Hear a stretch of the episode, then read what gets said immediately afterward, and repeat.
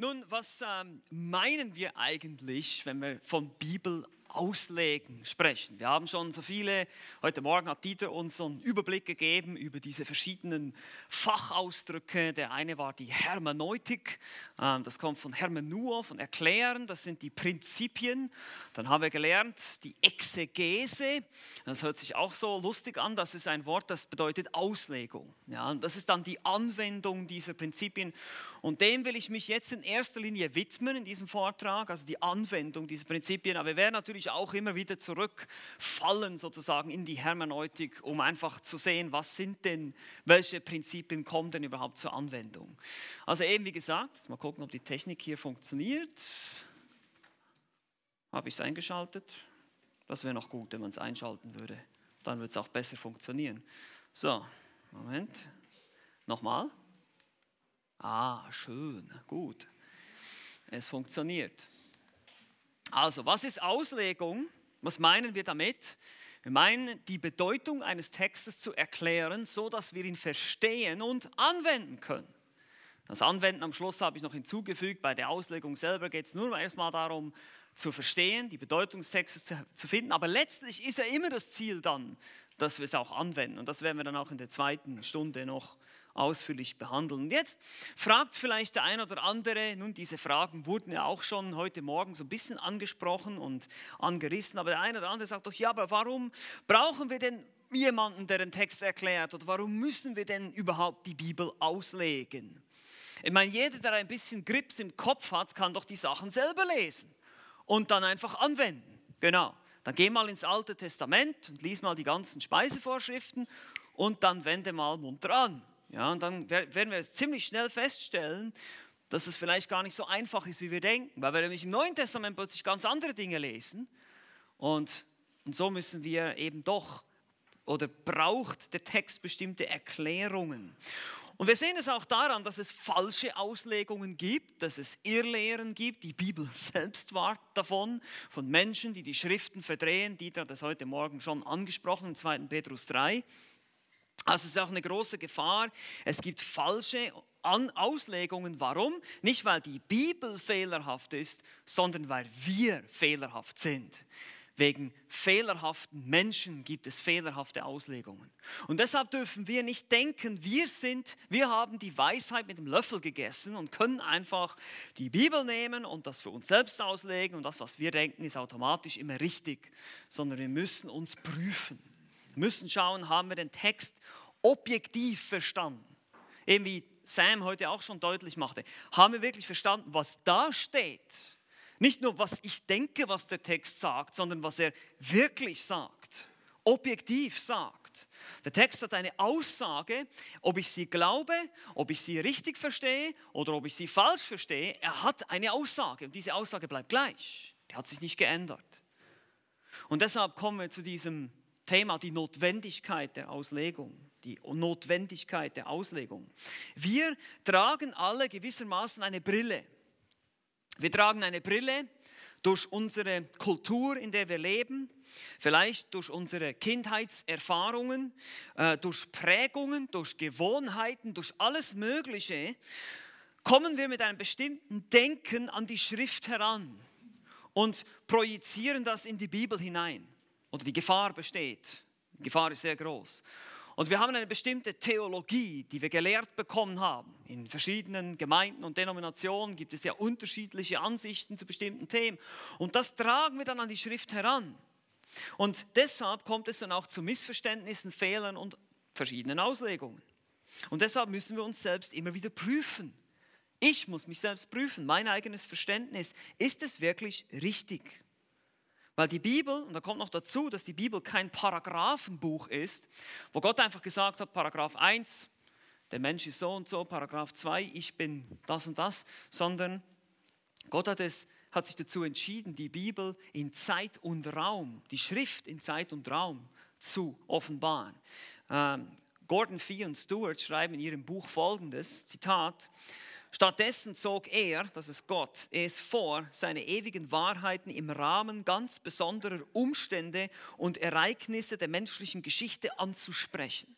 Also das heißt, Gottes Wort wurde nicht ins Vakuum einfach irgendwo geschrieben, sondern es gab Ereignisse.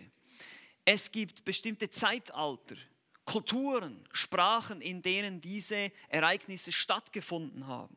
Gott offenbarte seine Wahrheiten in Zeit und Raum, in anderen Kulturen, die uns fremd sind. Oder auch andere Sprachen, die uns fremd sind. Und deshalb bedarf der Text einer Auslegung, einer Erklärung.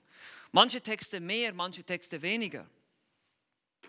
Die erste Hürde habt ihr schon, indem ihr eine deutsche Übersetzung benutzt. Das ist bereits eine Form der Erklärung der Auslegung. Das müssen wir verstehen. Jede deutsche Übersetzung, sei sie noch so texttreu, ist im Prinzip irgendwo eine Interpretation der Ursprache. Weil ihr könnt nicht hölzern übersetzen, was teilweise der griechische Satzbau macht. Wir können sehr nah dran sein mit unserer Sprache, aber wir sind doch immer auf Erklärungen angewiesen. Und da gibt es auch Unterschiede in den Übersetzungen, das weiß ich. Da gibt es solche, die eher näher am Text sind und solche, die wirklich sehr frei sind und auch zu frei sind, manche. Und da gibt es gute und schlechte. Aber einfach mal so grundsätzlich, dass wir uns das bewusst sind. Die Bibel wurde in den Ursprachen geschrieben, Griechisch und Hebräisch, in den Sprachen, in denen sie geschrieben wurde. Und wir haben dann schon nur damit eine Erklärung oder eine Übersetzung oder eine, eine Interpretation gewisserweise vor uns, indem wir eine Übersetzung lesen. Das ist nicht schlecht. Ja, versteht mich nicht falsch. Nicht, dass ihr jetzt denkt, oh, ich kann meiner deutschen Bibel nicht mehr vertrauen. Das will ich damit überhaupt nicht sagen. Ihr könnt dieser Bibel vertrauen, wenn ihr eine gute Übersetzung habt. Dann werden wir noch darauf eingehen und Daniel wird auch morgen nochmal darauf eingehen dann können wir das so nehmen, wie das da steht. Aber trotzdem sind wir auf Erklärungen angewiesen. Es braucht Auslegung.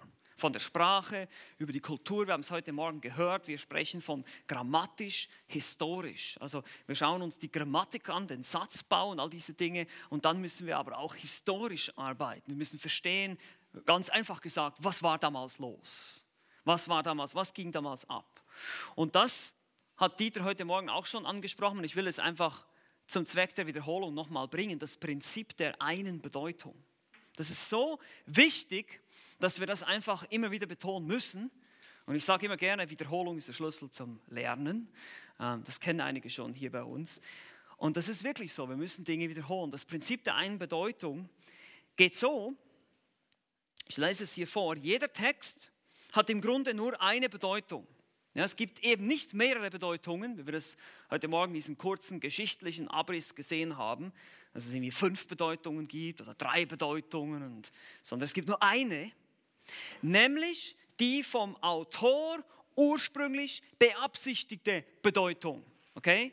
Also die Bedeutung, die der Autor, zum Beispiel Paulus im Korintherbrief, ich bin gerade im Korintherbrief, oder Jakobus, im Jakobusbrief, was er beabsichtigte, den damaligen Empfängern zu sagen. Das ist die Bedeutung. Und die hat sich bis heute nicht geändert. Und deshalb seht ihr schon, wie wichtig es ist, dass wir nicht in erster Linie die Bibel in unsere Zeit holen, sondern dass wir uns in die damalige Zeit versetzen. Das ist ein wichtiger Unterschied. Wir müssen verstehen, was damals los war. Die ursprüngliche Absicht des Autoren. Wenn euch jemand fragt, was die Bedeutung eines Textes ist, dann ist das die Antwort. Die ursprüngliche Absicht des Autoren. Es gibt sicherlich dann viele verschiedene, Bedeutung, äh, viele verschiedene Bedeutungen. Jetzt fange ich auch schon an. Anwendungen, genau, danke, das wollte ich sagen. Es gibt viele verschiedene Anwendungen dieser einen Bedeutung. Aber es gibt nur eine Bedeutung. Folgendes schreibt Gordon Fee dazu. Ähm, weil Gott durch wirkliche Menschen in vielfältigen Umständen und über einen Zeitraum von ca. 1500 Jahren redete, wurde sein Wort in die Sprache und Denkmuster dieser Menschen gefasst und von der Kultur und den Umständen ihrer Zeit beeinflusst. Gottes Wort an uns war also zuerst sein Wort an sie. Sie reden, die Menschen sprechen in eine bestimmte Situation hinein. Nicht, dass, sie sich, nicht, dass ihr das falsch versteht, dass es eine Anpassung gab an die Kultur, aber mit den damals üblichen Ausdrucksweisen zum Beispiel oder den damals üblichen Praktiken wurden Dinge getan oder eben nicht getan. Es ist sehr wichtig, dass wir uns darüber im Klaren sind. Gottes Wort an uns ist zunächst Gottes Wort an die damaligen Empfänger. Und deshalb brauchen wir eben Erklärung, Auslegung.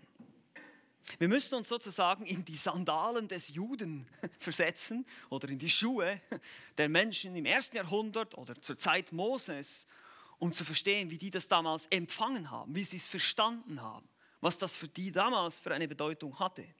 Und dann haben wir denn die Bedeutung, die es auch heute hat. Vieh schreibt weiter, das ist der wesentliche Grund, weshalb wir lernen müssen, die Bibel auszulegen. Wenn Gottes Wort über Frauen, die Männersachen tragen oder Geländer um Dachterrassen und uns etwas zu sagen haben soll, müssen wir zuerst verstehen, was den ursprünglichen Zuhörern zu sagen hatte und warum. Also eben gerade das, das Gebot, dass man um seine Dachterrasse ein Geländer bauen soll. Was hatte das damals für eine Bedeutung? Wie sahen damals die Häuser aus? Vielleicht ist es interessant zu wissen, warum das so wichtig war. Und erst dann können wir auch sozusagen ein Prinzip herausarbeiten, was das für uns heute bedeuten soll. Nicht, dass ihr jetzt alle nach Hause geht und versucht, Geländer um eure Dachterrassen zu bauen, ja, sondern dass wir verstehen, was, ist, was war der damalige Kontext. Ich möchte das an einem Beispiel deutlich machen, das vielleicht ein bisschen einfacher nachzuvollziehen ist, was dieses Prinzip der, der einen Bedeutung oder eben auch die ursprüngliche Absicht des Autoren auf sich hat. Und zwar Nehmen wir ein Beispiel aus unserer heutigen Zeit, um das einfach zu verdeutlichen. Nehmen wir mal an, ich sage zu meiner Frau, du erinnerst mich an eine Rose. Oder ich schreibe das auf eine Post-it-Notiz. Ja? Du erinnerst mich an eine Rose. Ja? Schreibe ich hier auf eine Post-it-Notiz, wenn ich dann noch sagen kann.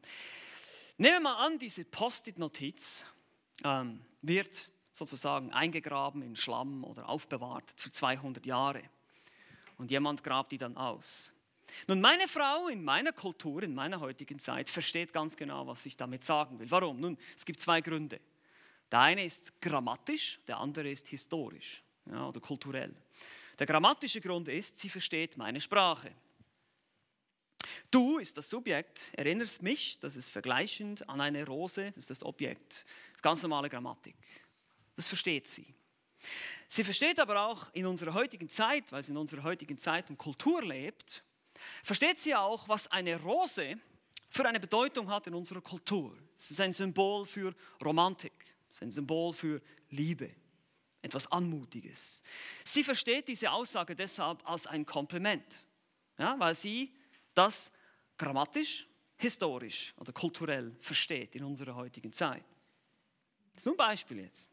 Jetzt nehmen wir mal an, wie gesagt, dass diese Post-it-Notiz wird irgendwie eingefroren oder irgendwas geschieht, dass sie aufbewahrt wird für 200 Jahre oder 300 Jahre und jemand kriegt diese Notiz in die Hände und er liest das und er lebt vielleicht zu der Zeit auf dem Mars und ähm, googelt dann im Galaxy-Net oder in Super Google, was eine Rose ist, weil die Rosen sind bis zu dem Zeitpunkt ausgestorben. Ähm, und überlegt, was könnte da der Autor damit gemeint haben oder was könnte das bedeuten? Was bedeutet das für mich? Er stellt eben die falsche Frage. Nun, äh, er findet heraus, dass eine Rose etwas Stacheliges ist und denkt, das war vielleicht eine Beleidigung, was ich da zu meiner Frau gesagt habe. Er sticht, du bist so stachelig und ja. Oder er findet heraus, dass diese Dinger überall in den Haushalten herumgestanden sind. Das war Innendekoration. Also vielleicht wollte der Mann seiner Frau sagen, erinnere mich daran, Innendekoration zu kaufen für unser Haus. Nun, wenn dieser Mann, fiktive Mann in 300 Jahren, ein bisschen mehr Nachforschungen angestellt hätte über die kulturellen Gepflogenheiten des 21. oder des 20. 21. Jahrhunderts, was die Bedeutung einer Rose war zu der damaligen Zeit, dann hätte er herausfinden können, was die ursprüngliche Absicht des Autoren, das wäre in dem Fall ich, gewesen ist nämlich weder meiner Frau zu sagen, dass sie stachelig ist, noch dass sie mir Innendekoration kaufen soll, sondern dass sie mich an eine Rose erinnert, ist ein Kompliment, eine Liebeserklärung. Das hätte dann richtig verstanden. Ja? Oh. Schönes Beispiel, oder? Und deshalb gilt die Regel, jetzt aufpassen. Ein Text kann nie bedeuten, was er nie bedeutet hat. Ein Text kann nie bedeuten, was er nie bedeutet hat. Also er bedeutet immer das, was er ursprünglich bedeutete, was der Autor beabsichtigte und was der Empfänger verstand. Und daraus ergeben sich zwei Klüfte. Es gibt Autoren, die machen dann noch mehr Klüfte draus. Ich habe es jetzt versucht, in zwei zusammenzufassen, was ich euch hier sage heute, ist sehr viel äh, Material äh, in Kurzform. Also es gibt da noch Literatur, auf die wir hinweisen können, was Daniel wahrscheinlich auch noch machen wird morgen, wo ihr euch mehr noch damit befassen könnt. Auch Bücher, eben jetzt das Buch von Gordon Fee und Stewart oder auch die Bücher von Stadelmann, die wir teilweise auf dem äh, Büchertisch haben, der morgen auch geöffnet sein wird. Ich glaube, heute war er nicht, waren die äh, Leute vom Büchertisch nicht da, aber ihr könnt euch das auch im Internet besorgen, wenn ihr Fragen habt.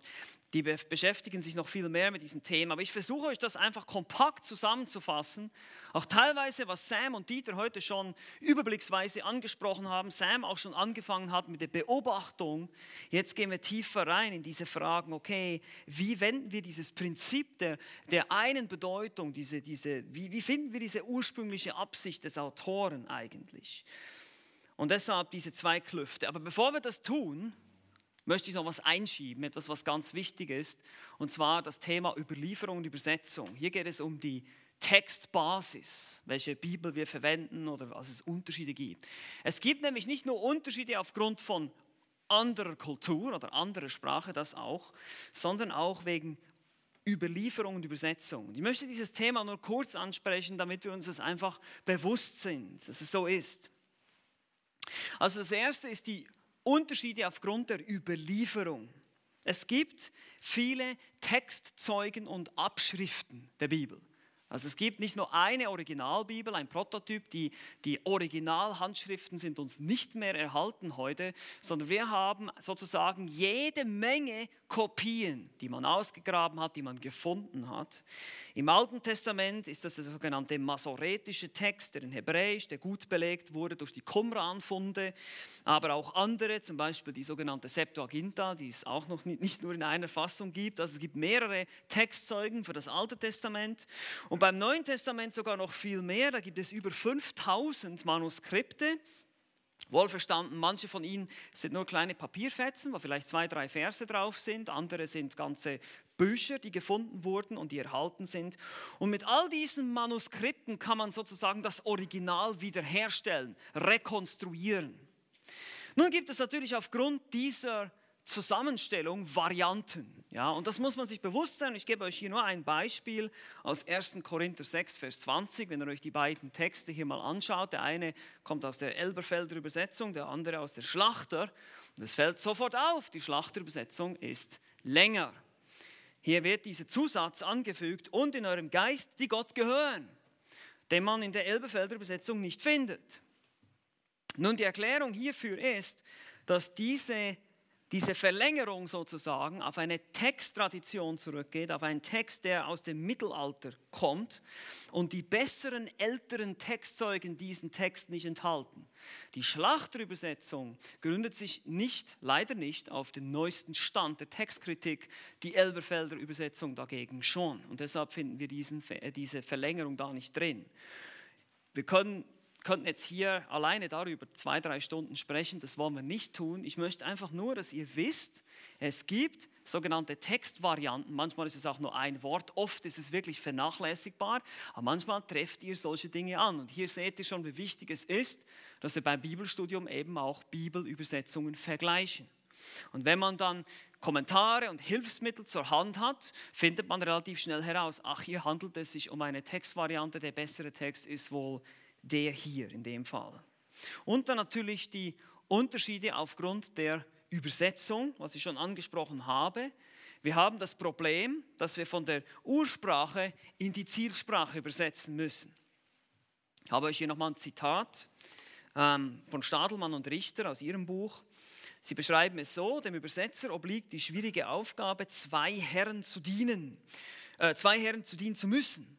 Zum einen der Grundsprache, aus der übersetzt wird, und zum anderen der Zielsprache, in die übersetzt wird. Ich meine, alle die unter uns, die zwei oder mehr Sprachen sprechen, die kennen das Problem. Oder kennen es vielleicht stückweise. Manchmal gibt es Dinge, die kann man im Englischen sehr treffend sagen. Im Deutschen klappt das irgendwie nicht so ganz. Oder umgekehrt. Oder im Französischen oder im Russischen. Einige von uns sprechen Russisch. Es gibt, vor allem wenn es dann darum geht, bestimmte Witze oder Wortspiele zu verstehen, funktioniert es in der anderen Sprache nicht. Man muss es irgendwie uminterpretieren. Also ihr seht, das ist die Schwierigkeit, mit der auch die Übersetzer kämpfen und ringen, um uns eine gute deutsche Bibelübersetzung zu geben. Und deshalb gibt es verschiedene Übersetzungen, weil es aus einer anderen Sprache kommt. Nun, die Frage stellt sich natürlich jetzt, was soll der Laie sozusagen denn tun? Wie soll er sich entscheiden? Ähm, weiß ich, wie viele von uns Griechisch oder Hebräisch Kenntnisse haben. Und selbst wenn wir Griechisch und Hebräisch Kenntnisse haben, müssen wir noch äußerst vorsichtig sein. Wie können wir uns äh, entscheiden? Und da wird sicher Daniel noch ein bisschen mehr dazu sagen, aber grundsätzlich als Faustregel gilt, die gängigen texttreuen Übersetzungen, also Elberfelder, Luther, Schlachter, sind sehr, sehr gut. Ich möchte euch hier einfach ermutigen. Es ist nicht so, dass ihr jetzt denken müsst, nach Hause geht und sagt, oh, jetzt habe ich hier, stimmt, das ist eigentlich eine Abschrift und das ist eine wiederhergestellte Kopie, eine Übersetzung. Das hört sich so abwertend an. So ist es nicht. Die Leute, die diese Übersetzungen gemacht haben, das sind Experten, die haben sich Mühe gegeben, die haben hart daran gearbeitet, die haben viel Zeit und Energie reingesteckt. Und trotzdem gibt es Unterschiede und deshalb ist es gut, wenn wir Übersetzungen vergleichen. Ähm, man muss sich zum Beispiel bewusst sein, dass man bei der Schlachter 2000, wie gesagt, nicht auf dem neuesten Stand der Textkritik ist. Oder dass zum Beispiel ähm, freiere Übersetzungen, wie zum Beispiel die Hoffnung für alle und nach, äh, gute Nachricht, Dinge oft verschleiern oder abschwächen. Ähm, es gibt zum Beispiel auch die neue evangelistische Übertragung oder die neue Genfer Übersetzung, die ein bisschen näher noch am Grundtext sind, aber doch auch moderne deutsche Sprache verwenden. Diese Übersetzungen eignen sich eher als Kommentare als wirklich als Übersetzungen. Das muss man so verstehen. Also es, sind, es ist hilfreich, man kann sie benutzen, man muss sich bewusst sein, hier wird, und wenn ihr das mal vergleicht, wenn ihr mal Zeit habt, ihr geht auf Bible Server oder irgendeine andere Internetseite, könnt ihr mal diese verschiedenen Übersetzungen anschauen. Da werdet ihr schon die Unterschiede sehen. Also diese Problematik müssen wir uns bewusst sein. Wir müssen eine gute Übersetzung wählen. Haben wir es heute Morgen gehört oder jetzt auch wieder. Elberfelder, Luther, Schlachter und dann können wir mit dem Prozess der Auslegung beginnen. Aber auch es empfiehlt sich, mehrere Übersetzungen zu benutzen.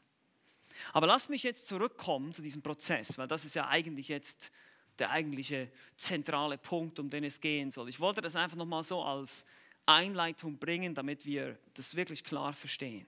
Wir wollen an diese ursprüngliche Bedeutung herankommen.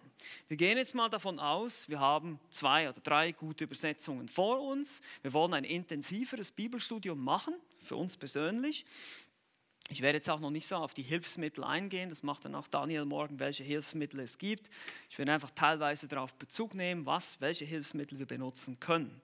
Und jetzt wollen wir an diese ursprüngliche Absicht des Autoren herangehen. Und wir müssen eben diese zwei Klüfte überwinden.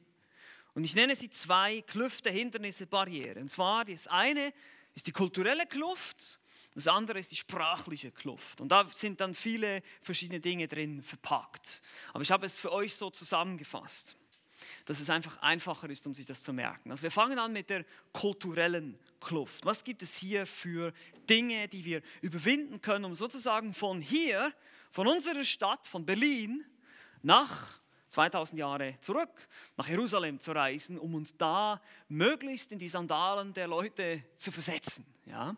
um da zu hören, wie sie das Wort Gottes gehört haben. Wie können wir, wie können wir das machen? Nun, es gibt, wie gesagt, verschiedene Probleme oder verschiedene Dinge, die wir uns bewusst sein müssen. Umstände, Hintergründe, Sitten. Das erste und wichtigste ist bei vielen Büchern das, der Grund für das Schreiben ja, das hat Sam auch schon angesprochen, kann man teilweise durch das Beobachten schon herausfinden, indem man den Brief, wenn es jetzt ein Brief ist zum Beispiel, mehrere Male liest, selbst mit größeren Büchern wie den Propheten oder auch den Geschichtsbüchern, Mose, Samuel und so weiter, einfach mal lesen. Aber dann können wir auch Kommentare, Einleitungen zu der Bibel zur Hand nehmen, Hilfsmittel benutzen, zum Beispiel die Studienbibel, MacArthur Studienbibel und andere solche Hilfsmittel benutzen wir, um einfach mal eine Einleitung zu lesen. Warum hat er geschrieben? Was war der Grund? Was war die Situation? Das kann sehr entscheidend sein für die Auslegung oder kann der Aussage eines Textes zumindest mehr Gewicht verleihen. Eben wenn zum Beispiel Paulus sagt, in Philippa 4, freut euch alle Zeit. Wenn er das über eine Postkarte aus dem Urlaub geschrieben hätte, wäre diese Aussage auch wahr. Aber er schrieb aus dem Gefängnis. Wir haben es heute Morgen gehört. Und das verleiht der ganzen Aussage mehr Gewicht. Also manchmal erhält es oder verleiht es der Aussage einfach mehr Gewicht, aber manchmal ist es auch sehr entscheidend für die Auslegung. Ein anderes Beispiel gibt uns Wolfgang Klippert in seinem Buch, das habe ich hier als Zitat.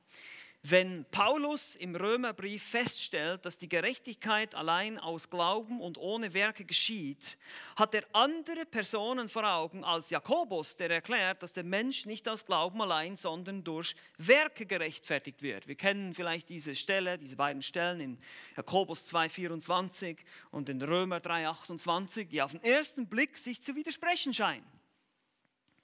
Der eine sagt, aus Glauben allein wirst du gerettet. Der andere sagt, nein, Glauben reicht nicht aus, Werke retten. Und du denkst, hä? Das ist ein Widerspruch. Und der Punkt, es wird dadurch teilweise schon aufgelöst, indem man versteht, was der Autor den Empfängern sagen wollte. Was war sein Thema und auch in welche Situation hat er hineingesprochen. Paulus hatte ganz andere Empfänger als Jakobus. Also hier ist es schon hilfreich, das zu verstehen und das ähm, Teilweise finden wir das heraus, wenn wir den Brief mehrere Male lesen und auch genau beobachten oder dann eben auch Kommentare und Einleitungen zur Bibel zur Hand nehmen und das mal lesen. Was war sein Thema? Was war sein Anliegen? Warum hat er überhaupt geschrieben? Und da werden wir feststellen, dass es ganz unterschiedlich ist.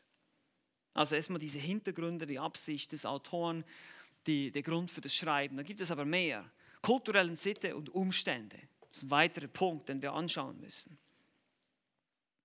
Ich kann das also an einem Beispiel deutlich machen. Äh, wenn ihr nach England geht, dann müsst ihr euch mit der kulturellen Sitte äh, anfreunden, dass man links fährt auf der Straße. Das ist Linksverkehr. Okay? Wenn ihr euch damit nicht anfreunden wollt, dann habt ihr ein Problem. Dann gibt es Unfälle. Das wäre nicht sehr ratsam.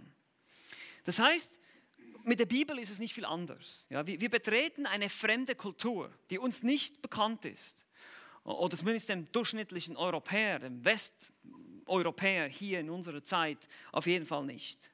Eine fremde Kultur, fremde Sitten, fremde Gebräuche, Dinge, andere politische Situationen, religiöse Praktiken und so weiter und so fort. Sei das im Neuen Testament oder auch im Alten Testament. Hier kommt wieder die Frage, warum gibt Moses dieses seltsame Gebot in 2. Mose 23, 19b, du sollst ein Böckchen nicht kochen in der Milch seiner Mutter. Du denkst, hallo, das hatte ich eigentlich nie vor, das zu Hause zu machen, das auszuprobieren.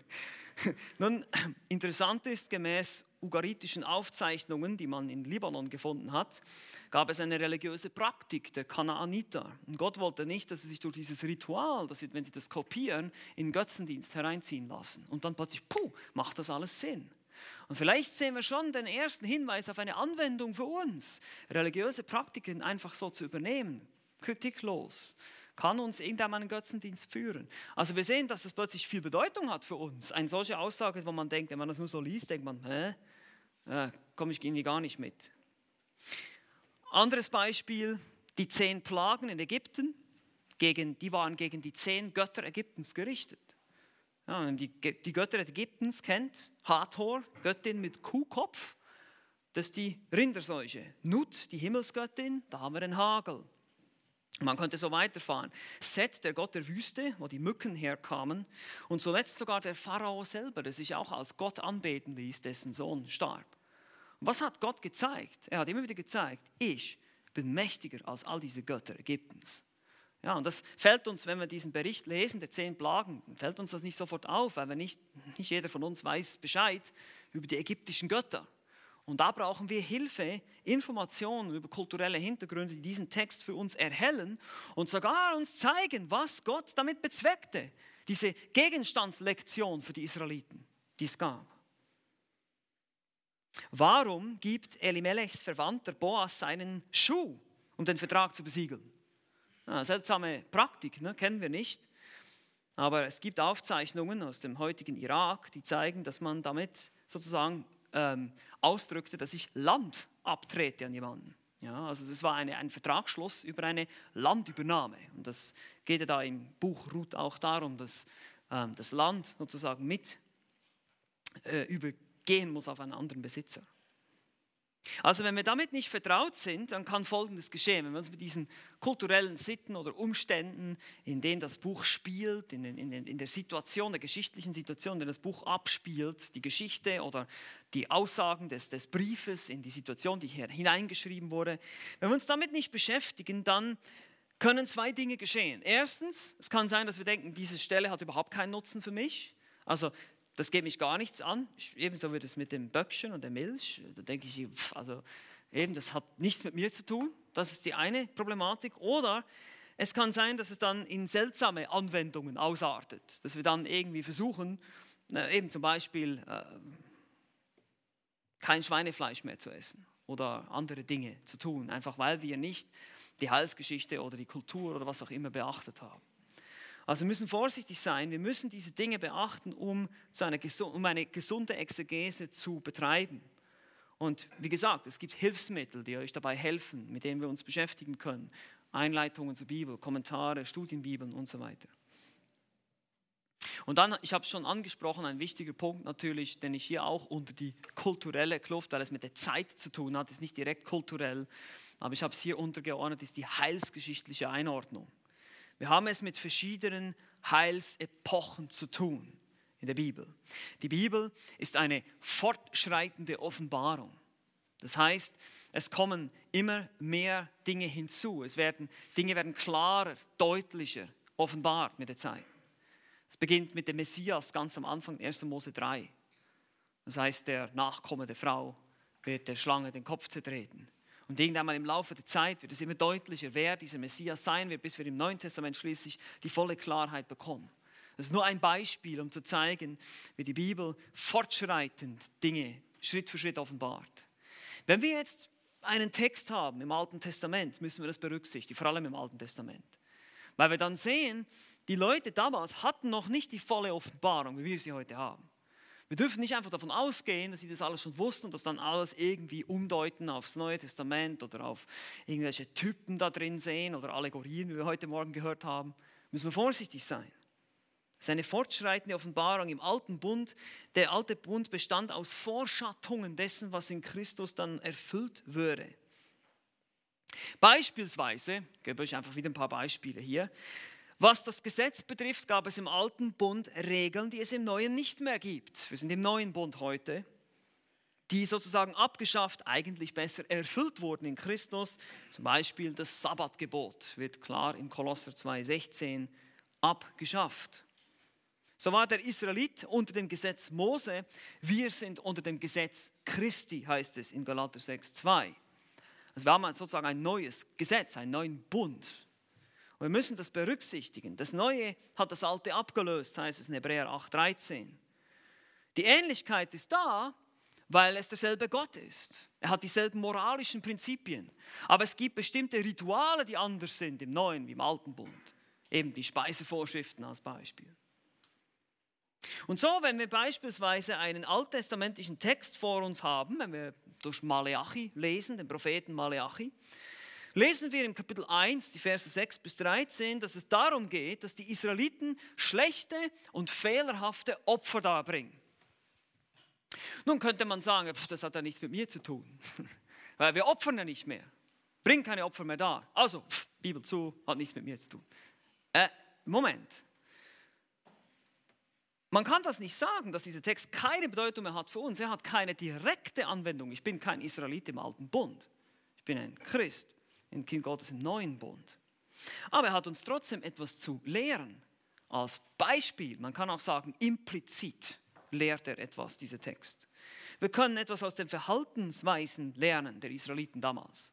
Wir müssen verstehen, was brachten die Israeliten mit ihren Opfern zum Ausdruck? Ihre Herzenshaltung, ihre Hingabe. Das war damals die Art und Weise, wie man Gott anbetet. Und wenn sie schlechte Opfer bringen, dann ist das halbherziger Gottesdienst. Ah, nun haben wir schon eine bestimmte Relevanz für uns heute, oder nicht? Wir sehen dann schon, oh, das ist ein Prinzip, ein zeitloses Prinzip, das wir anwenden können. Aber wir müssen berücksichtigen, dass sie in einer anderen Heilszeit gelebt haben, Israeliten. Und deshalb ist das entscheidend wichtig. Anderes Beispiel, wenn Wenn wir die Geschichte von David und Goliath lesen, dann heißt es nicht, dass wir rausgehen und versuchen, den nächsten Bösewicht mit einer Steinschleuder niederzuschlagen. Definitiv nicht. Dafür wurde uns diese Geschichte nicht gegeben. Wir müssen den Zusammenhang erkennen. Was, was wollte der Autor hier in diesem Buch? Warum hat er diese Geschichte da reingemacht? Was wollte er uns über David zeigen? Es geht ja um David in dieser ganzen Geschichte, wie David später auch zum König wird. Und so finden wir dann auch die Anwendung. Wir können vielleicht etwas über seinen Mut und sein Vertrauen in Gott lernen. Da ist sicherlich auch wieder eine Anwendung für uns drin. Aber wir müssen vorsichtig sein, wie wir das verstehen und dann auch auslegen und schließlich anwenden. Die Situation war eine andere. Israel war ein Staat unter Gottes Regierung. Gott hat einen König eingesetzt. Es war eine sogenannte Theokratie, dann später natürlich eine Monarchie, aber es war immer noch das Gottesgesetz in diesem Staat herrschte. Und somit war jeder Feind des Staates auch ein Feind Gottes. Das erklärt vielleicht dann auch einige Rachepsalmen für uns, die manchmal ein bisschen schwierig zu verstehen sind. Die Rachepsalmen Davids, wo er sagt, mögest du den Gottlosen töten und solche Sachen. Dann denkt man mal so, soll ich jetzt hier beten? Soll ich jetzt auch dafür beten, dass Gott, ja? Aber wir müssen das in dem damaligen Kontext verstehen, was David für eine Rolle hatte als König und was es bedeutete, wenn Leute, eben seine Feinde ihn angegriffen haben. Und so können wir das besser einordnen. Das ist die kulturelle Kluft.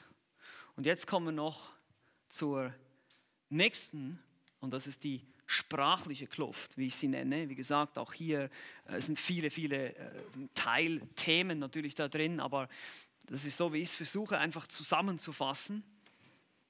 Die sprachliche Kraft. Hier geht es um die Sprache, in dem Fall Hebräisch und Griechisch, aber auch um viele andere Dinge wie sogenannte Literaturgattungen, die uns heute fremd sind. Ja, manche Dinge in der Bibel äh, können nicht immer zum Beispiel nur wörtlich ausgelegt werden. Man, man merkt dann plötzlich, okay, hier werden bestimmte Symbole verwendet.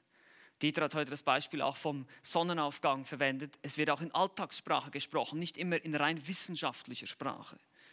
Und so müssen wir auch mehr als nur einfach stur und hölzern sozusagen nach dem Wortsinn gehen, sondern wir müssen auch darauf achten, was ist das für eine Form von Literatur. Aber lass mich auf den ersten Punkt eingehen, zunächst die Grammatik.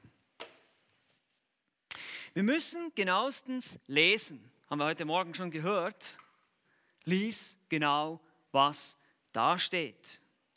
Und das können wir auch in einer deutschen Übersetzung tun. Dazu musst du nicht Griechisch oder Hebräisch beherrschen, sondern wenn du eine oder mehrere, besten, besser ist, mehrere deutsche Übersetzungen hast, den Text mehrere Male durchlesen und genau beobachten. Es ist entscheidend, wo das Subjekt und wo das Objekt ist. Ja? Gott schuf die Welt oder die Welt schuf Gott, hat nicht dieselbe Bedeutung. Und deshalb ist es entscheidend wichtig, dass wir uns mit Grammatik allgemein auch befassen. Ich weiß, für einige von uns ist es so, ah, Grammatik, Hilfe, ja. Und wir müssen vielleicht unsere alten Schulbücher wieder hervorkramen, um einfach zu verstehen, was ist ein Präsens oder was ist ein Partizip. Aber das sind entscheidende Dinge. Auch die Übersetzer haben bestimmte Worte benutzt, um diese Ursprache wiederzugeben. Und so können wir einfach genau lesen und verstehen, was da steht. Wer ist hier das Subjekt? Über wen wird hier was gesagt? Ganz genau. Das ist entscheidend wichtig. Und darauf müssen wir achten und müssen wir Zeit verbringen damit. Die Bibel ist inspiriert, wir haben es gehört heute Morgen. Jedes Wort ist wichtig. Gott, ich sage immer, Gott hat jede Präposition und jede Konjunktion genau an den Ort gesetzt, wo er sie haben wollte. Es ist sehr entscheidend, was genau da steht. Und wir müssen uns vertiefen darin. wir müssen darüber nachsinnen. Wir müssen es wiederholt lesen. Wir müssen es richtig in unserem Herzen bewahren, um es richtig zu verstehen. Und ich möchte euch hier einfach ermutigen, eben auch eine, für diesen Teil natürlich der Exegese auch eine gute Übersetzung zu verwenden, eine möglichst texttreue Übersetzung. Und dann werdet ihr in, bei genauem Lesen, würde behaupten, in 90, 95 Prozent aller Fälle am selben Ort landen, wie wenn ihr das Griechische lesen würdet. Weil es gibt eine Bandbreite von guten Übersetzungen auch im Deutschen. Und das ist deshalb so ermutigend für uns. Vielleicht ein paar kleine ähm, Warnhinweise hier. Vorsicht mit Wortstudien. Ja, das ist so, so ein Punkt. Manche machen dann ein Wortstudium, haben vielleicht eine elektronische Konkordanz und schauen sich ein Wort an. wir müssen verstehen, dass manche Worte im Deutschen ähm, mehrere Worte haben im Griechischen oder umgekehrt. Also wenn ihr das Wort Liebe seht, das bekanntes Beispiel, das Wort Liebe ist nicht immer dasselbe Wort im Griechischen dahinter. Manchmal ist es Phileo, manchmal ist es Agape und in außerbiblischen Fällen auch Eros, aber das kommt im Neuen Testament nicht vor. Zweitens, selbst wenn wir einen Sprachschlüssel verwenden, also einige von uns haben vielleicht eine Elberfelder Studienbibel mit Sprachschlüssel, da gibt es Wortstudien, da kann man dann gucken, was griechische, das griechische Wort bedeutet und das ganze Bedeutungsfeld wird dann aufgeführt. Auch hier muss man sehr, sehr vorsichtig sein. Nicht einfach die, weil ein Wort, das haben wir schon öfters gehört, hat ein Bedeutungsfeld. Ähm, zum Beispiel das Wort Liebe. Bleiben wir bei dem Wort Liebe. Ihr habt vielleicht sogar schon Prediger gehört, die das gesagt haben, dass das Wort Agape immer göttliche Liebe ist. Stimmt nicht. Nicht Stimmt nicht ganz. Weil zum Beispiel in 1. Johannes 2, Vers 15 wird das verwandte Verb agapao verwendet, wo es heißt, liebt nicht die Welt. Ups, keine göttliche Liebe, definitiv nicht. Und wenn man dann das Wort Welt sieht, dann hat man noch mehr Probleme, weil das Wort Welt hat etwa sechs oder sieben verschiedene Bedeutungen, das Wort Kosmos. Also man muss vorsichtig sein, man darf nicht sagen, dieses Wort bedeutet immer das zum Beispiel. Oder auch das ganze Bedeutungsfeld eines Wortes dann hier hinein zu interpretieren. Es ist viel besser zu sehen, in welchem Zusammenhang wird es verwendet. Das Wort Erde nehme ich auch gerne. Wir haben das Wort Leiter gehört heute Morgen. Das Wort Erde kann der Planet Erde sein. Es kann die Blumentopferde sein, das Material, je nach Kontext auch. Und selbst wenn du kein Grammatikhirsch bist, kannst du das auf jeden Fall tun, was wir auch schon gehört haben. Du kannst den Kontext beachten die, sagen immer so schön, die drei wichtigsten Regeln in der Auslegung sind erstens Kontext, zweitens Kontext, drittens Kontext. Kontext bedeutet Zusammenhang. Von Latein con, zusammen, textus, gewoben, zusammengewoben. Wie steht ein Wort oder eine Aussage in welchem Zusammenhang? Um es ganz einfach zu machen, was steht davor, was steht danach? Wir haben es heute so ein bisschen schon gesehen in diesem Beispiel von Philipper 2, Vers 5. Haben wir das schon ein bisschen angeschaut. Wenn ihr auf den Zusammenhang achtet, dann versteht ihr meistens schon viel, viel besser, was wirklich gemeint ist. Den Zusammenhang. Und hier gibt es verschiedene Stufen ähm, des Zusammenhangs, die wir anschauen. Das möchte ich jetzt einfach mal so ein bisschen noch entfalten oder ausweiten. Wir haben über den Zusammenhang schon gesprochen, aber die Stufen sind erstens mal der unmittelbare Kontext. Also was sagt sozusagen der Vers, der Abschnitt davor oder danach? Bevor wir einen, zum Beispiel einen einzelnen Vers betrachten oder auch einen Abschnitt. Was sagt der Abschnitt davor? Was sagt der Abschnitt danach? Das ist der unmittelbare Kontext. Und da habe ich schon gesagt, das Wort Welt zum Beispiel hat in der Bibel bis zu sieben verschiedene Bedeutungen. Es kann den Planeten Erde bezeichnen, die Menschheit im Generellen, je nachdem, wie das Wort Welt dasteht. So hat Gott die Welt geliebt. Ist nicht dasselbe wie liebt nicht die Welt. Ha, ist es ein Widerspruch? Nein. Aber das Wort Welt kann unterschiedlich verwendet werden im Griechischen. Und da müssen wir aufpassen. Und dann gibt es, ganz wichtig, den Buchkontext. Also der Buchkontext, damit meine ich, äh, der Kontext des gesamten Buches, der Zusammenhang des gesamten Schriftstücks, entweder des Briefes oder des gesamten Buches. Wir schauen uns an, was das gesamte Buch der Bibel für eine Hauptaussage und Absicht verfolgt. Hier kommen wir wieder zurück zur Absicht des Autoren. Ihr seht, wie das immer alles wieder ineinander hineingeht. Wir stellen uns die Frage, zum Beispiel, gehen wir mal, schlagen wir auch mal noch unsere Bibeln auf hier. Ich habe jetzt viele Beispiele schon erwähnt. Gehen wir mal zu 1. Johannes. 1. Johannes, Kapitel 1, äh, Entschuldigung, Kapitel 3, 1. Johannes Kapitel 3, heißt es in den Versen 6 bis 10, interessante Sachen.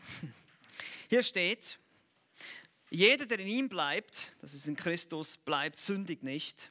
Jeder, der sündigt, hat ihn nicht gesehen und nicht erkannt. Kinder, dass euch niemand verführe. Wer die Gerechtigkeit tut, ist gerecht, wie er gerecht ist. Wer die Sünde tut, ist aus dem Teufel. Denn der Teufel sündigt von Anfang an. Hierzu ist der Sohn Gottes offenbart worden, damit er die Werke des Teufels vernichte. Vers 9. Jeder, der aus Gott geboren ist, tut nicht Sünde. Wenn sein Same bleibt in ihm und er kann nicht sündigen, er kann nicht sündigen, weil er aus Gott geboren ist. So, hier könnte man denken, dass Johannes die Vollkommenheit des Gläubigen lehrt. Ein Kind Gottes kann nicht sündigen. Es ist, ist sündlos. Ja, man sagt, Moment. Aber wenn wir den Buchkontext anschauen, sehen wir, dass Johannes im Kapitel 1, Vers 9 bereits gelehrt hat, dass ein Christ auch dadurch sich auszeichnet, dass er seine Sünden bekennt. Jetzt sagt man vielleicht, ist das ein Widerspruch? Nein, ist es nicht. Denn was Johannes hier meint, ist vielmehr, es geht um ein gewohnheitsmäßiges Muster im Leben des Christen. Dass er nicht einfach so ohne weiteres sündigt oder in Sünde lebt, sondern vielmehr nach Heiligung strebt. Aber er erlebt, er ist nicht perfekt. Und das sehen wir, wenn wir den gesamten Kontext des gesamten Buches kennen, können wir das sehen, dass es nicht sein kann, dass Johannes hier sowas lehrt, die Vollkommenheit des Gläubigen, weil wir schon sehen, was er an anderen Stelle gelehrt hat. Also das ist der Buchkontext. Vergleiche immer die, das, das, also den unmittelbaren Kontext, den Buchkontext und jetzt kommt noch das dritte, und das ist die Bibel selbst, der Kontext der gesamten Bibel, der gesamten Schrift. Und hier seht ihr schon, wie wichtig es ist. Wir, haben, wir sind ins Detail gegangen, jetzt, jetzt kommen wir wieder raus und sehen, okay, wir müssen die gesamte Bibel auch verstehen. Es reicht nicht aus, wenn wir sagen, okay, ich studiere jetzt einfach nur den ersten Johannesbrief, sondern ich muss auch ein Gesamtverständnis haben, was lehrt die gesamte Schrift über bestimmte Dinge. Ein Vers kann nie etwas sagen, was der gesamten Lehre der Schrift widerspricht. Man nennt das auch die Analogie der Schrift oder Vergleiche Schrift mit Schrift. Und das wiederum geht zurück auf die Voraussetzung der Inspiration, der Unfehlbarkeit. Wir glauben, die Bibel ist unfehlbar und deshalb widerspricht sie sich nicht. Und deshalb vergleichen wir Schrift mit Schrift. Seht ihr, wie wichtig diese Voraussetzungen waren, die wir heute Morgen gehört haben? Und das ist entscheidend. Wir brauchen eine gesunde, systematische Theologie. Wir müssen verstehen, was lehrt die gesamte Bibel über Sünde. Was lehrt die gesamte Bibel über Punkt, Punkt, Punkt wenn wir irgendein Thema berühren. Und da helfen euch auch wieder Bücher wie eben eine systematische Theologie oder andere Hilfsmittel, die dazukommen. Wobei wir damit natürlich auch vorsichtig sein müssen. So kann zum Beispiel die Aussage, um noch ein Beispiel zu bringen hier, in Galater 5, Vers 4, ihr seid aus der Gnade gefallen, kann so verstanden werden, dass man als Christ das Heil verlieren kann. Ja, könnte man so verstehen. Ihr seid aus der Gnade gefallen. Aber das würde dem gesamten Tenor der Bibel widersprechen. Die Bibel macht deutlich, dass die Errettung eines Sünders allein von Gottes Gnade, Willen und Erwählung abhängt und nicht von unseren Werken. Epheser 2,8, Römer 8,30 und andere Textstellen. Also, wenn wir verstehen, was die gesamte Schrift über die Errettung des Menschen sagt, dann können, kann das nicht die Bedeutung sein von Galater 5,4 sondern aus der Gnade gefallen, muss dann sowas bedeuten wie, dass diese Leute nie Christen waren, nie wiedergeboren waren und immer noch versuchen, durchs Gesetz gerecht zu werden. Zum Beispiel. Vergleiche Schrift mit Schrift. Lass mich noch die eine wichtige Sache ansprechen, die ich am Anfang angesprochen habe. Das sind die Literaturgattungen. Und das, wie gesagt, auch hier, ich betone das, sehr stark zusammengefasst. Ähm, aber wir müssen uns bewusst sein, dass die Bibel nicht nur im Kontext gelesen werden muss oder auch genau gelesen werden muss, sondern auch unter Berücksichtigung bestimmter Stile, Stilrichtungen ja, in, in der Literatur. Es gibt Gesetzestexte, es gibt Reden, es gibt Aussprüche, es gibt Poesie, Dichtkunst, Lieder, Gleichnisse, Briefe, Evangelien und Geschichtsbücher und vieles mehr. Und hier ändern sich die Prinzipien der Auslegung nicht grundsätzlich. Verstehe mich nicht falsch. Nicht, dass ihr jetzt denkt, irgendwie, okay, wir sind jetzt in den Psalmen, das ist Poesie, da haben wir eine völlig andere Hermeneutik. Nee, nee, nee, nee, so ist es nicht. Aber man muss bestimmte Dinge dann berücksichtigen. Ja, in den Psalmen lest ihr von Feldern, die jauchzen und Bäume, die jubeln im Psalm 96, Vers 12. Und wenn wir jetzt da mit einem extrem wörtlichen Verständnis herangehen, dann kratzen wir uns an der Stirn und denken, okay, wie können Felder jauchzen und Bäume jubeln? Und das ist eine, das ist eine symbolische, eindeutig bildliche Sprache. Man befindet sich hier ja auch in der Poesie, in der Dichtkunst. Das sind bildliche Aussagen dafür, wie die Schöpfung Gott die Ehre gibt, die Schöpfung Gott preist. Das entspricht dieser Gattung, dieser Art, die Schreibweise in der Poesie. Zum Beispiel auch das Buch Hiob. Sogar einige Teile in der Prophetie sind so geschrieben. Und das ist wichtig zu verstehen. Und da gibt es auch wiederum Materialien. Das Buch von Stadelmann und Richter gibt euch eine ganze Auflistung von den ganzen verschiedenen Gattungen, die es gibt und was sie auszeichnen. Also hier kann man auch Hilfsmittel zur Hand nehmen. Wenn man zum Beispiel sagt, okay, ich möchte jetzt das Buch der Sprüche studieren, und dann müsst ihr euch mit den Weisheit, mit der Weisheitsliteratur auseinandersetzen. Nicht, dass ihr plötzlich denkt, ähm, dass das eine feste Verheißung ist, wenn da steht, äh, ein Kind wird nicht davon weichen, wenn es alt wird und ich es ziehe, der Knaben da seinem Wege gemäß. Und das dann als Verheißung, ja, wenn ich jetzt das alles richtig mache, dann wird mein Kind auf jeden Fall gerettet werden. Nein, nein, nein. Ja, verstehen wir was falsch. Das verstehen nicht, worum es geht in Sprüchen. Das sind Weisheitsprinzipien, keine Gesetze. Ja, und so müssen wir sehr, sehr vorsichtig sein, in welcher Literaturgattung wir uns befinden. Vielleicht noch eine kleine Faustregel hier auch, ein kleiner Tipp sozusagen, wie wir das wenn wir jetzt Bibelstudium machen und uns nicht so viele ähm, ich sage mal, Hilfsmittel zur Verfügung stehen. Zwei Dinge, die wir uns immer fragen können, zwei Fragen, die einen Text stellen, wenn es um die Literatur geht, ist, die erste Frage ist, ist es beschreibend oder vorschreibend, was da im Text steht? Es gibt sehr viele beschreibende Texte. Das sind Geschichtsbücher. Die beschreiben, wie etwas vorgefallen ist. Das sind keine direkten Gebote. Zum Beispiel gibt es viele Dinge in der Apostelgeschichte, die so geschehen sind, die aber nicht normativ sind für uns heute, die einfach so immer von allen Christen gelebt werden, sondern es ist ein beschreibender Text. Das heißt, er beschreibt etwas, wie es abgelaufen ist. Das heißt nicht, dass es für jeden von uns so genau, es ist keine Vorschrift an uns. Hingegen gibt es die Briefe, jetzt im Neuen Testament, Gebote, die direkt an uns gehen, direkt an die Gemeinde Jesu Christi gerichtet sind. Und die werden auch so ausgedrückt. Das sind direkte Gebote. Also ist es beschreibend oder vorschreibend. Und das andere, was auch entscheidend sein kann, ist es bildhaft oder wörtlich. Und wie gesagt, hier geht es nicht darum, allegorisch auszulegen oder mehrere Bedeutungen im Text aufzustülpen, sondern hier geht es rein darum, zu verstehen, dass in der Poesie oder auch in den Weisheitsbüchern eben manchmal Dinge symbolisch oder bildlich verwendet werden. Und das wird auch eindeutig, wenn man das liest, eben Felder, die jauchzen und solche Sachen. Und so ist zum Beispiel der Tag des Herrn in Joel, äh, Joel 2.1 ein längerer Zeitabschnitt. Der Tag des Herrn ist ein, ein feststehender Begriff, der in der Prophetie auch oft vorkommt, der Endzeitlehre. Und dieser Tag des Herrn ist nicht ein wörtlicher Tag, sondern es ist offenbar ein bestimmter Zeitabschnitt, wo Gott Gericht halten wird. Das sehen wir auch in der Offenbarung, wo es immer wieder heißt, der Tag des Herrn ist da.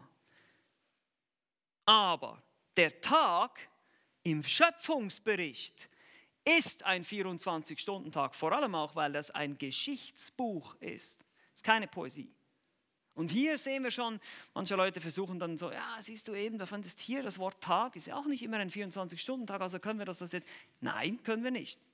Weil hier verletzen wir wiederum die ursprünglichen Absichten der Autoren. Der eine hat ein Gedicht geschrieben oder schreibt in poetischer Sprache, der Prophet, im prophetischen Ausspruch, und der andere schreibt Geschehnisse auf, wie sie wirklich geschehen sind.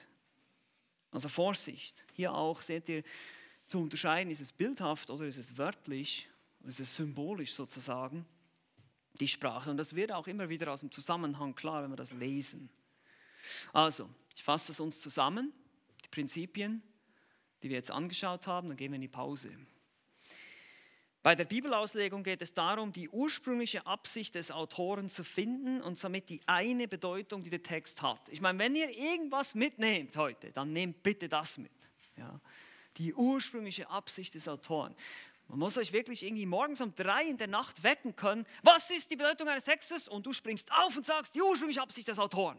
Ja, so muss es sein.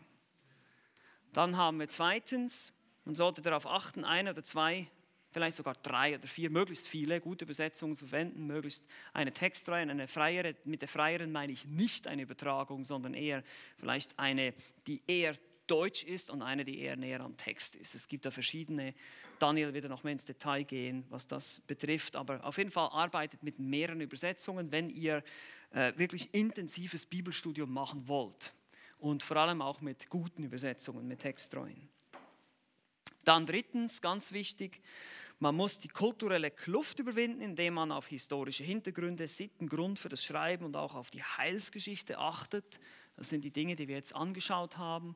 Und viertens, man muss die sprachliche Kluft sozusagen überwinden, indem man genau auf die Grammatik, den Kontext oder auch die Literaturgattung achtet. Das ist so die grobe Zusammenfassung. Ich lasse es auch noch hier ein bisschen stehen, ähm, dass ihr euch das noch aufschreiben könnt, wenn ihr wollt.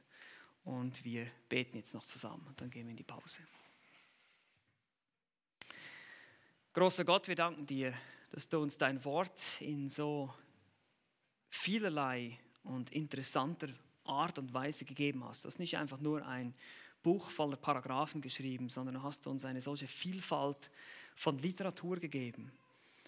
Und damit ist natürlich die Gefahr, dass wir als sündige Menschen dein Wort verdrehen und falsch verstehen verbunden und doch, äh, je mehr wir da Einblick bekommen diese verschiedenen, diese Vielfalt von der Art und Weise, wie du dich uns offenbarst, wie du deinen Willen offenbarst, dein Wesen offenbarst, sei das in der Dichtkunst, sei das in der Geschichte, sei das durch die Briefe oder auch in der Offenbarung, in der Prophetie.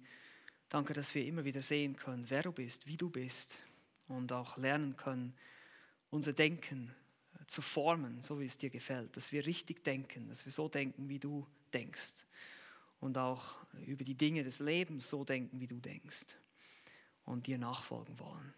Wir bitten, dass du uns hilfst, unsere Bibeln besser zu kennen, intensiver zu studieren und auch diese Prinzipien anzuwenden, damit wir nicht die Schriften verdrehen zu unserem eigenen Verderben. Wir beten in Jesu Namen. Amen.